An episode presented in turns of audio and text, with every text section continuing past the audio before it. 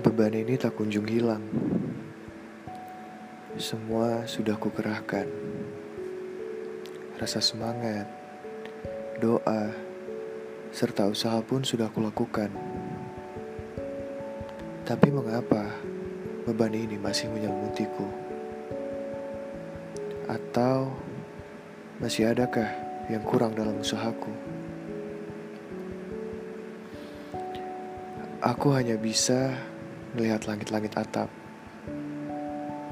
Seketika termenung. Yang terfikirkan hanyalah sabar, sabar, dan sabar.